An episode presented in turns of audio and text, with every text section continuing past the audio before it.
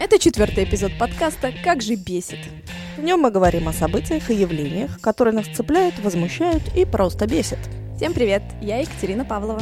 Здравствуйте, я Олеся Лагашина, и сегодня мы поговорим о депрессии.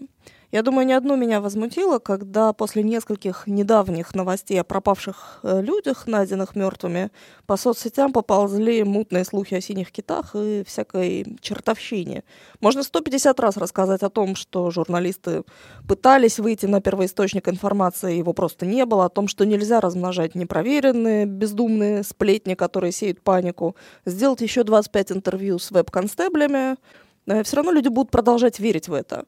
И я, я даже сейчас не о том, что необходимо более бережно относиться к информации. Мне бы хотелось поговорить о причинах, по которым люди уходят, уходят они потому, что они просто больше не могут, потому что им больно, потому что им кажется, что это общество их выкидывает, отвергает, и всем на них, в общем, плевать. Но не просто в это прекрасное наше общество не вписываются. И, в общем, это настолько было очевидно, когда сразу несколько новостей прошло, и ты понимаешь, ага, у людей сезонная депрессия, ну, киты здесь абсолютно ни при чем. А паника начинается такая, что постоянно нам присылают читатели сообщения, разберитесь, э, приведите кого-то к ответственности. И как-то раз я с ужасом смотрела смотрела интервью людей, которые пережили депрессию. Удивительно, но многие из них говорят, что это из-за того, что у них э, нет выхода агрессии или каких-то других эмоций. Что у нас говорят? Не ной, не жалуйся, терпи. Все терпели, и ты терпи. Это просто неудивительно, что люди не выдерживают такого напряжения. Коллега как раз для спецномера, который мы сейчас готовим, собирала статистику. Э, так вот, у нас менее 1% людей в прошлом году пропали в результате преступления. Большую часть пропавших, 65%, в прошлом году составили убежавшие из дома несовершеннолетние. Вслед за ними идут люди с мыслями о суициде, каких у нас насчитывается 15%. По количеству самоубийств Эстония с ее показателем выше среднего по Евросоюзу. Гордиться вообще нечем. Ну, цифры жуткие на самом деле. Больше всего бесит, что мы продолжаем абсолютно наплевательски к этому относиться. Вот эти все люди, размножающие синих китов, такое ощущение, что они о депрессии в принципе никогда не слышали и не знают, что это такое. Мне вообще кажется, что взрослым очень выгодно думать и винить синих китов. То есть это просто перекладывание ответственности. Это классно найти какой-то объект, на который можно все свалить. Ну, именно так, судя по всему, и есть. Эм, все виноваты, кроме меня, да? Ты когда-нибудь сама от депрессии страдала? Нет. Я однажды была на грани. Это был мой первый год работы. Я занималась травматической журналистикой, то есть я делала интервью с людьми, которые э, потеряли близких, с матерями, которые потеряли своих детей, с людьми, которые, в общем, пережили очень-очень трагические и неприятные события в жизни. У меня были плохие отношения с моим начальником, постоянные скандалы на работе, я практически жила на ней. И вот все это в совокупности, оно очень подкосило меня. В какой-то момент я из-за этого потеряла своего жениха и, в конце концов, самоуважение. И смогла я из этого всего себя вытянуть только когда заставила себя заняться творчеством. Я начала э, разукрашивать раскраски, потому что рисовать я не умела и не умею. И вот это как-то меня, ну, помогло мне отвлечься, и постепенно все восстановилось. Я не знаю, была ли у меня клиническая депрессия, я не разговаривала с психологом, но такого ужасного состояния, как тогда, я больше не переживала в своей жизни. И даже тогда, вот в это печальное время, у меня не было мысли о суициде. Ну, депрессия, на самом деле, это не просто грустная печальная мысль, это такое ощущение, уже чистая химия, на самом деле, когда сами процессы в мозгу как-то по-другому протекают, э, и без хорошего врача и таблеточек справиться уже нельзя. Жутко, когда ты понимаешь в какой-то момент, что выражение ком в горле — это не просто выражение, ты буквально его чувствуешь, потому что тебе трудно глотать, тебе трудно дышать, тебе трудно есть. Я слышала об этом. Абсолютная мерзость, не желаю никому, в общем, это переживать. Я помню, у меня была такая ситуация, тоже с работой связанная, Особенно нехорошо, когда у тебя у самой такое полудепрессивное уже состояние, а тебе звонят, допустим, по телефону люди, которым тоже нужна помощь, и рассказывают о каких-то своих жутких совершенно обстоятельствах. Я помню, в какой-то достаточно критический момент моей жизни мне позвонила читательница, у которой э, ребенок свел счеты с жизнью. Уже взрослый ребенок, да, то есть э, как бы не детского, скажем так, возраста, студентка на тот момент. И когда она эту историю стала рассказывать, вот ты сидишь, ты понимаешь, что ты тебя не, не готовили к тому, чтобы это все. Абсолютно. В бы... университете этому не учат. Ну да же, это не функция журналиста, на самом деле, работать на телефоне доверия, но если человек тебе позвонил, ты не можешь бросить трубку, и ты час сидишь на телефоне, ты пытаешься об этом э, с человеком говорить, ты принимаешь э, вот эту трагедию на себя, тебе самому становится еще хуже, тебе не помогает после этого никто. И это, в общем, к депрессии приводит достаточно Э, быстро. Я на самом деле долгое время думала, что если с людьми происходит что-то вот подобное, это происходит от их безволия, нежелания что-то предпринимать с собой, что все это, грубо говоря, лечится трудотерапией. Ну, типа, захотел поныть, пойди поработай. Но перед глазами у меня одновременно были случаи с клинической диагностированной депрессией, и мне совершенно искренне казалось, что такое обычное человеческое раздолбайство. Я только Я тоже спустя много лет поняла, что на самом деле это не так, что если ты уже довел эту ситуацию до такой стадии, человек не может оттуда выйти сам. Но на самом деле здоровье, особенно душевное, это не шутки. И очень многие люди, правда, страдают от этого диагноза, и им нужна помощь, поддержка, естественно, сочувствие. В школе, я помню, мы читали «Грозу» Островского, После этого писали эссе на тему «Самоубийство — это сила или слабость?». Как тогда не смогла написать это эссе, я и сейчас не смогла бы его написать, потому что я ну, не могу э, решить для себя, что это. Хотя у меня, я уже говорила, у меня были очень травматические события в жизни разные, но все равно никогда не возникало мысли о суициде. И... Но то, что я слышала от людей, которые прошли через это, дало мне четко понять, что депрессия это не шутки, это не какая-то апатия или лень, это действительно болезнь и ментальная, и физическая, и иногда она даже может вернуться. То есть это, это как, наверное, алкоголизм. То есть ты никогда не сможешь до конца Во многих это случаях побороть. депрессия, на самом деле, она еще генетически обусловлена. Это, это проблема наследственности. Слышала, да. угу. Но давай послушаем, э, что об этом говорит психолог и писатель Ольга Хейло, которая постоянно занимается вопросами депрессии у своих пациентов. С депрессией может столкнуться каждый, невзирая на доход, образование, успех или красоту. Исследователи во всем а, мире отмечают, что депрессия в наше время существует наравне с сердечно-сосудистыми заболеваниями и является распространенным недугом. От этой болезни страдают миллионы людей. Например, английские ученые недавно провели социологическое исследование, которое показало, что около 70% населения крупных городов живет в состоянии скрытой фоновой депрессии. Что такое фоновое состояние? Это именно а, то состояние депрессии, депрессия, которая а, показывает, что люди просыпаются уже с плохим настроением, без всякой радости едят, принимают душ, затем в этом состоянии тоски едут на работу. И, конечно, о фоновой депрессии писал очень много Эрик Фром о том, что это действительно а, потеря веры в себя, разочарование в своих идеалах, потеря смысла, смысла жизни и разочарование в своих мечтах. Я э, недавно читала исследование, в котором, не помню уже кто, но заявляют, что к концу нашего вот этого века, 21-го, у нас каждый пятый человек на Земле будет страдать от депрессии, и это около полутора миллиарда человек. Я думаю, это как в случае с очень многими болезнями. Раньше это просто не диагностировалось, да, так серьезно к душевным заболеваниям не относились и депрессию к ним не относили. А так, если посмотреть на творческих людей, ну, да. я думаю, каждый первый писатель занимается творчеством, потому что он хочет каким-то образом избавиться от своего внутреннего негатива, получить признание, каким-то образом сублимировать да, свою негативную энергию. Думаю, что творчество, оно где-то с депрессией бок о бок ходит. Есть такое. Но мне кажется, это потому, что во время, когда тебе вот хуже всего, ты наиболее тонко чувствуешь. Есть какой-то вот такой guilty pleasure, когда вот ты, например, смотришь фильмы, которые заставляют тебя плакать, ты испытываешь какое-то даже, наверное, удовольствие от того, что ты испытываешь вот эту грусть, сочувствие, печаль. Ну, это, наверное, способ, да, преодоления какой-то внутренней энергии. Может быть, это где-то смежно с тем, что люди чувствуют, когда они смотрят фильмы катастроф, особенно если это док-фильмы, да. Но это все-таки не совсем депрессия, да, это где-то близко, но, но не, не об этом. Угу. Что касается в Эстонии, а, по статистике из 100 человек 6-7 человек болеют депрессией. И из 1100 опрошенных у 45% есть явные признаки депрессии. Тревога 40 467 человек. Это примерно 3,2% населения. Депрессия на самом деле это перевернутая злоба. Человек не осмеливается открыто выражать свои мысли. Злоба, перерастающая в самообвинение. И основа депрессивной личности – это именно самоуничтожение. Надо сказать, что депрессивные личности, они заняты только собой, своими проблемами, они рассказывают все в красках, о том, как было. Каждая мелочь очень важна, а, очень много деталей. И а, очень часто бывает человек, который испытывает депрессивное состояние, он начинает злоупотреблять алкоголем.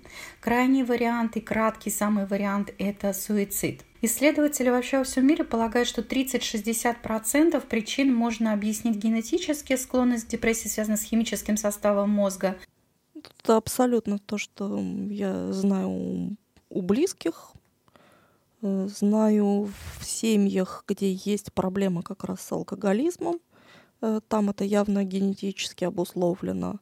И если плюс есть какой-то сопутствующий негативный, допустим, семейный фон, то помимо генетики это еще невостребованность обществом, это еще чисто химические процессы, которые возникают в результате употребления алкоголя, плюс погодные факторы. Естественно, что генетика дает какую-то предрасположенность к заболеванию такого рода. У всех разный обмен веществ, да, у всех разный гормональный уровень. У кого-то гораздо больше и быстрее выделяются гормоны стресса, у кого-то больше эндорфины выделяются, да, плюс зависит от образа жизни. Занимаешься физкультурой регулярно, да, больше получаешь эндорфинов, тебе жить, грубо говоря, легче уже за счет этого.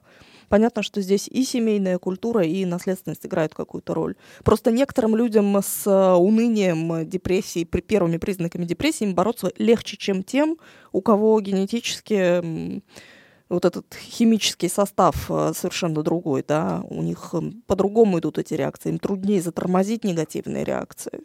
Я согласна вот со словами, что это физические нагрузки должны быть, потому что действительно э, очень часто можно встретить людей, у которых депрессия, и они правда ничем не занимаются, именно каким-то спортом, какой-то физической активностью.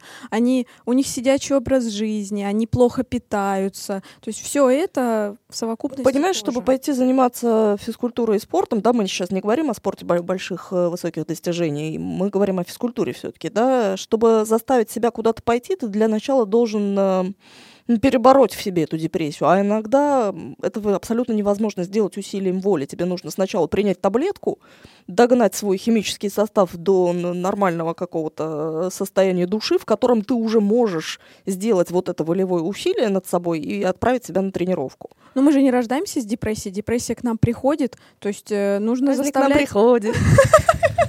Леся, ты же сказала не шутить. Все сорвала, как обычно. Вообще. Эм, я говорю именно про э, людей, которые до того, как у них появилась депрессия, вот нужно регулярно заниматься спортом. Я не говорю там каждый день э, делать отжимания в спортзал, ходить себя там убивать, стирать колени, но периодически нужно там гулять, э, ну, вообще, если с психологами поговорить о депрессии, как правило, список их рекомендаций сводится к, к следующему. Первое, что должен сделать в состоянии депрессии, это пойти к врачу, получить консультацию, диагностировать у себя эту э, депрессию, получить какую-то порцию антидепрессантов, начать регулярно их принимать. После этого ты должен э, обеспечить себе физическую нагрузку действительно, а, потом уже можешь подумать, э, ну, грубо говоря, о путешествиях, да, чтобы у тебя было какое-то жизненное разнообразие, и ты наконец осознал, что весь мир не сводится вот к этой маленькой комнатке с ее проблемами, с ее устоявшимся коллективом, с достаточно сложными, может быть, отношениями в нем. Ну, собственно, попытался вырваться из той привычной обстановки, которая тебя до этой депрессии довела. Потому что путешествие, на самом деле, очень хорошо от депрессии лечит. Но перед этим ты должен сделать все-таки какие-то более быстрые шаги, да, то есть угу. врач и таблетки. И на самом деле существует правило, что здоров не тот, у кого нет проблем, а тот, кто умеет их решать. Поэтому нам очень важно повышать внутреннее развитие и принятие себя. Если человек чрезвычайно требователен к себе и враждебен одновременно, на любую маленькую проблему будет тратиться огромное количество ресурсов, с которыми нужно э, где-то нужно потом будет дополнительно их брать. А, рекомендую обратить внимание на четыре важные компонента. Это питание, движение, цвет э, и ароматы, которые нас окружают. Надо сказать, что сегодня современное общество, оно культивирует, именно навязывает целый ряд ценностей, которые обрекают человечество на постоянное недовольство собой. Например, мы очень ускоряемся, мы работаем на опережение, чрезмерно детально планируем и так далее. И люди из-за того, что не успевают или не исполняются их мечты, идеалы, они очень тяжело переживают, начинают скрывать свои личные проблемы, а также неудачи. Я могу за себя сказать, что у меня есть такая навязчивая мысль, что я все время делаю недостаточно. Регулярно, ну не, ладно, не каждый день, там не каждую неделю, но периодически, как только я вижу, что у меня начинает появляться свободное время, я такая, ага, надо, надо что-то сделать больше. Я, мне 26, а я еще ничего не сделала. Ну там, знаешь, вот такие вещи вот действительно в мозгу культивируются. Ну да, прибавь сюда социальные сети еще, в котором э, успех мерится совершенно конкретными лайками, да. Вот сейчас же не случайно Инстаграм от всего этого отказывается, потому что это абсолютно левая затея, когда свою состоятельность как человека ты измеряешь в каких-то формальных показателях. Ну, вот для меня лично э, это не показатели успеха, но я ну, имею... Ну, для многих это так. Допустим, ну, ты что-то запостила себе в Инстаграмчик, в Фейсбучик, хорошую статью написала, красивую фоточку поставила. Пришли люди поставили тебе негативный лайк, да, и, там негативный смайлик поставили, вообще не пришли, ты не получил ответа общества на твой запрос на, на одобрение, да, и тебе, в общем, так или иначе как-то становится не по себе. Меня никто не, не любит, меня никто не видит, доктор, кто я? Заходите, выходите. Ну, я, я пережила в первые полгода работы журналиста, когда поняла, что э, что бы ты ни сделал, ты все равно не получишь одобрения. Я вот именно за себя говорю, что мне перед самим собой нужно одобрение. Вот как-то так.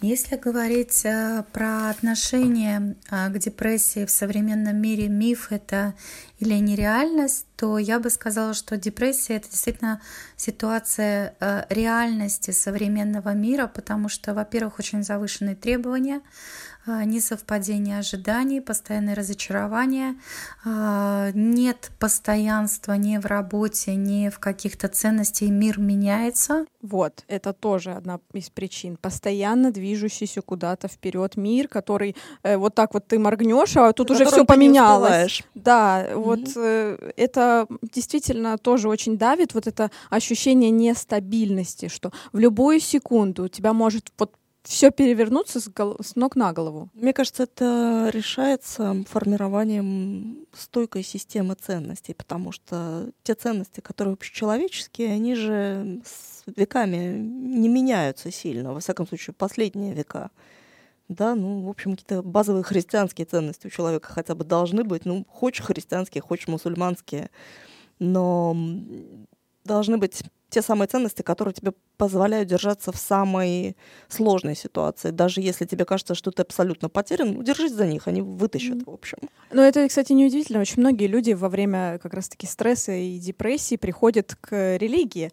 И по поводу этого чувства нестабильности, как раз-таки на нем, мне кажется, страховые компании классно и заработали себе миллиарды долларов, потому что я, например, тоже за себя говорю, у меня куча страховок, страховка на страховку. Ну, то есть мне это дает э, ощущение безопасности, что если вдруг что, хоть как-то, но откуда-то будут приходить деньги. Интересно, страховка от депрессии есть? Может, когда-нибудь появится, когда у нас э, будет каждый пятый в мире? Отвратительно, на самом деле, что вот мы вроде много об этом говорим, все, что мы сейчас сказали, это абсолютно не новые вещи, да? Мы в последние годы действительно много говорим о депрессии, но при этом общество толерантнее к тем, кто страдает от депрессии, не становится. Угу.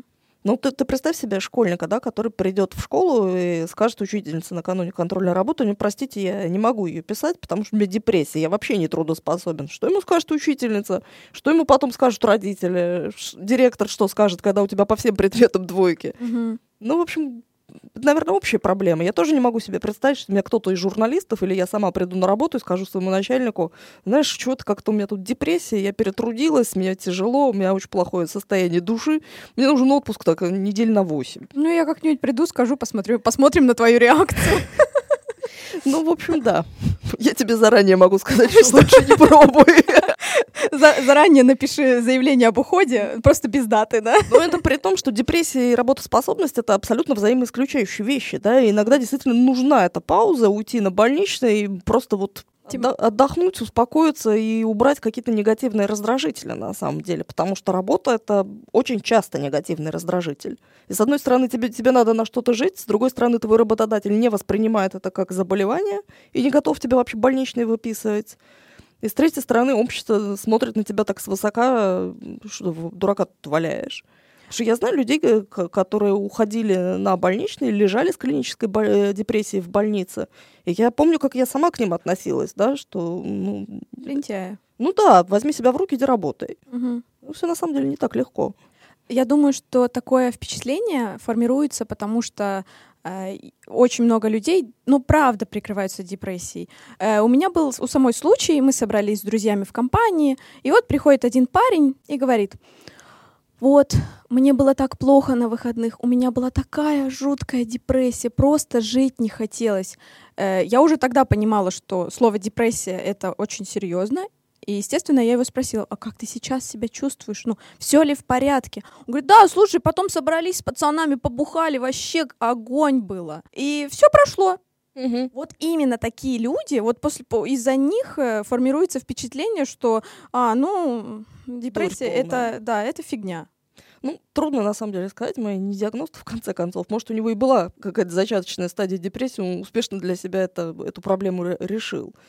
С другой стороны, именно для таких людей у нас в ноябре обычно проводится социальная кампания, да, что алкоголь, на, напротив, усугубляет стресс и депрессию.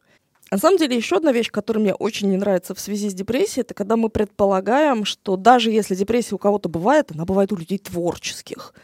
Да, заблуждение, конечно. Это очень широко распространенное заблуждение, что, дескать, актеры и поэты, они там чего-то тоньше чувствуют, поэтому страдают больше. Но это вот абсолютно не так. То есть эм, иногда творчество даже в какой-то степени позволяет э, проблемы с депрессией решить, да, мы об этом сегодня говорили. Но, с другой стороны, представь себе какую-нибудь эм, продавщицу, да, вот она сидит на кассе, и ей эм, абсолютно неоткуда взять вот такой положительной реакции общества на свою работу. Если там актер или поэт, он может какую-то художественную... Аплодисменты. Да, аплодисменты, да, одобрительные дарят. реакции. Вот для меня я свою депрессию изобразил в творчестве, пожалуйста, мне похлопали. Мне уже от этого хоть как-то, но хорошо. Продавщица на кассе в жизни этой реакции не получит работник конвейера, да, где-нибудь на заводе, она будет сидеть механически, э, тупить, пахать до последнего, пока она где-нибудь э, не упадет. И она такой положительной реакции не получит, при том, что ей может быть настолько же плохо, особенно если это связано Или даже хуже. с общением с клиентами, да, негативно настроенными клиентами, она этого негатива хватает каждый день по полной программе. Да. И ей никто вот этой одобрительной реакции общества на ее работу никогда не выразит. Более того, ее, скорее всего, ежемесячно ежемесячный бюджет просто не позволяет обратиться к э, квалифицированному ну, специалисту да, за помощью, потому что это дорого. Это... Ей нужно стоять в очереди за бесплатной психологической помощью месяцами, ну, когда я это думаю, уже поздно. В этом плане у творческих людей бюджет не больше. Поэты и актеры у нас много не получают. Ну, они, опять же, ты правильно сказала, что они могут сублимировать, они могут перебороть эту депрессию посредством своего э, выхода эмоций на сцене там, или под какими-то другими способами. А что сделает кассир? Причем кассир, скорее всего, даже не додумается, что у него депрессия, и надо бы к врачу пойти. К сожалению. И самая, конечно, чудовищная вещь — это депрессия у детей потому что ребенок точно не в состоянии осознать, что эта ситуация не фатальна, что ее можно решить, что есть какие-то чисто технические способы решения этой проблемы. Когда ты взрослый, ты еще можешь сообразить, что и это пройдет, ты уже через это проходил на самом mm-hmm. деле. Особенно если вовремя пойти к врачу и опять-таки съесть этих таблеток. А ребенок, он же любую ситуацию воспринимает радикально и безысходно. Да. И на самом деле тут никаких э, синих китов не надо, если у тебя проблемы в школе, если у тебя, не дай бог, родители разводятся, ну, очень много таких случаев, чисто бытовых ситуаций, которые ребенок не может решить для себя как-то позитивно. Меня бесят родители, которые э, на слова ребенка у меня, у меня плохое настроение. Я не думаю, что дети часто говорят слово депрессия, но как к этому относятся родители? Да какая у тебя может быть депрессия? Ты что, ты же ребенок, финансовых обязательств нет, э, кредит, э, кредита нет, начальник на тебя не орет. Что ты вообще ноешь? Э, тебе только домашние задания делать. Это вообще совершенно неправильно. К такое э, отношение к депрессии особенно развито в азиатских культурах, в Китае, например, я точно знаю, есть с этим огромная проблема. И таких родителей хочется взять и вот просто хорошенько встряхнуть, сказать, ну обрати ты внимание на своего ребенка, отнесись к его проблемам а, как действительно любящий его человек. Тем более, что на фоне Инстаграма, Ютуба и вот всех остальных соцсетей, которые демонстрируют идеальную жизнь, и ребенок просто не может э, воспринять это э, как какую-то иллюзию. Он считает, что это реальность, что вот э, все его ровесники такие успешные, классные, всегда веселые, у них все яркое и интересное в жизни, а у него не так. А если еще хейтеры какие-нибудь к тебе в социальной сети пришли, да? Это, да, это отдельная тема, это отдельный подкаст. Да, мы, да, мы любим наших комментаторов. Ну, для ребенка это на самом деле тоже очень тяжелая ситуация, когда хейтеры приходят, да, ведь э, есть э, объединение там внутри класса, да, когда против кого-то начинают дружить. И об этом тоже надо говорить, а родители, к сожалению, это не очень замечают. С другой стороны, нам важно быть готовым к тому, что депрессия есть у наших, может быть у наших близких, и что мы просто должны быть рядом в тот момент, когда ему понадобится наша помощь. Ему, этому человеку рядом нужно внимание, и внимание на самом деле нужно каждому из нас. А если речь идет о депрессии, это же очень опасное состояние. Человек может взять нож, человек может выброситься из окна, а ты никогда не подгадаешь этого. Ну, на самом деле, если ты уже зафиксировала, что вот у тебя рядом человек, который к этому склонен, у меня были люди, которые угрожали свести счеты с жизнью, это достаточно мрачно, это угнетает всех, кто находится рядом. А в таких случаях вообще рекомендуют ну что ли, убрать э, из поля зрения такого человека все, чем он может нанести себе ущерб. То есть если человек в принципе, склонен к тяжелой депрессии, суицидальным мыслям, ну, не знаю, там, поставить э, окна на верхних этажах на замки, да, чтобы он не смог их быстро открыть. Потому что иногда важен вот этот вот первый момент, да, когда, ну, соскочила крыша, все, поехала тебе нужно там пять минут проконтролировать, чтобы не произошло непоправимого. Но для того, чтобы эти пять минут благополучно проскочить, тебе нужно застраховаться, тебе нужно убрать какие-то режущие предметы, угу. снотворные куда-нибудь убрать, если они у тебя дома есть. Просто обезопасить чисто вот технически эту территорию, потому что не всегда мы можем уследить за состоянием близкого человека. А еще самое ужасное, что может сделать один человек э, по отношению к другому, который страдает депрессией, это сказать, не, ну вот что ты ноешь, вон посмотри, у Васи э, еще хуже, чем у тебя, но он же как-то держится, справляется. И вот ни в коем случае нельзя сравнивать ни себя с другими людьми, ни других людей с другими людьми, потому что это ведет э, к ужасным последствиям. Осознание этого приходит только когда ты начинаешь любить себя. И любовь к себе, принятие своей личности, мне кажется, это самая главная защита для нашей психики. И вот этому нужно учить дома, в семьях, в школе. И не стесняться быть уязвимым и не бояться просить помощи. Важно также говорить с людьми. Важно обращать на них внимание, давать им понять, что они не одни, в ситуации, когда у человека уже есть депрессия, я бы очень сильно советовала отключиться от социальных сетей вообще хотя бы на какое-то время, чтобы токсичные люди никоим образом не оказывались в поле твоего зрения. Только близкие, только надежные, проверенные, добрые, главное, добрые, просто добрые люди. Постарайтесь не создавать дополнительный негативный фон для таких людей, потому что ты никогда не знаешь, в каком направлении пойдет его мысль дальше, и будешь потом винить себя всю жизнь. А, и напомним, что лучшее средство от депрессии – это врач-специалист. Психолог или психиатр. Таблеточки, нормальная физнагрузка и путешествие. А если ситуация внезапно обострилась, не стесняйтесь позвонить по телефонам помощи.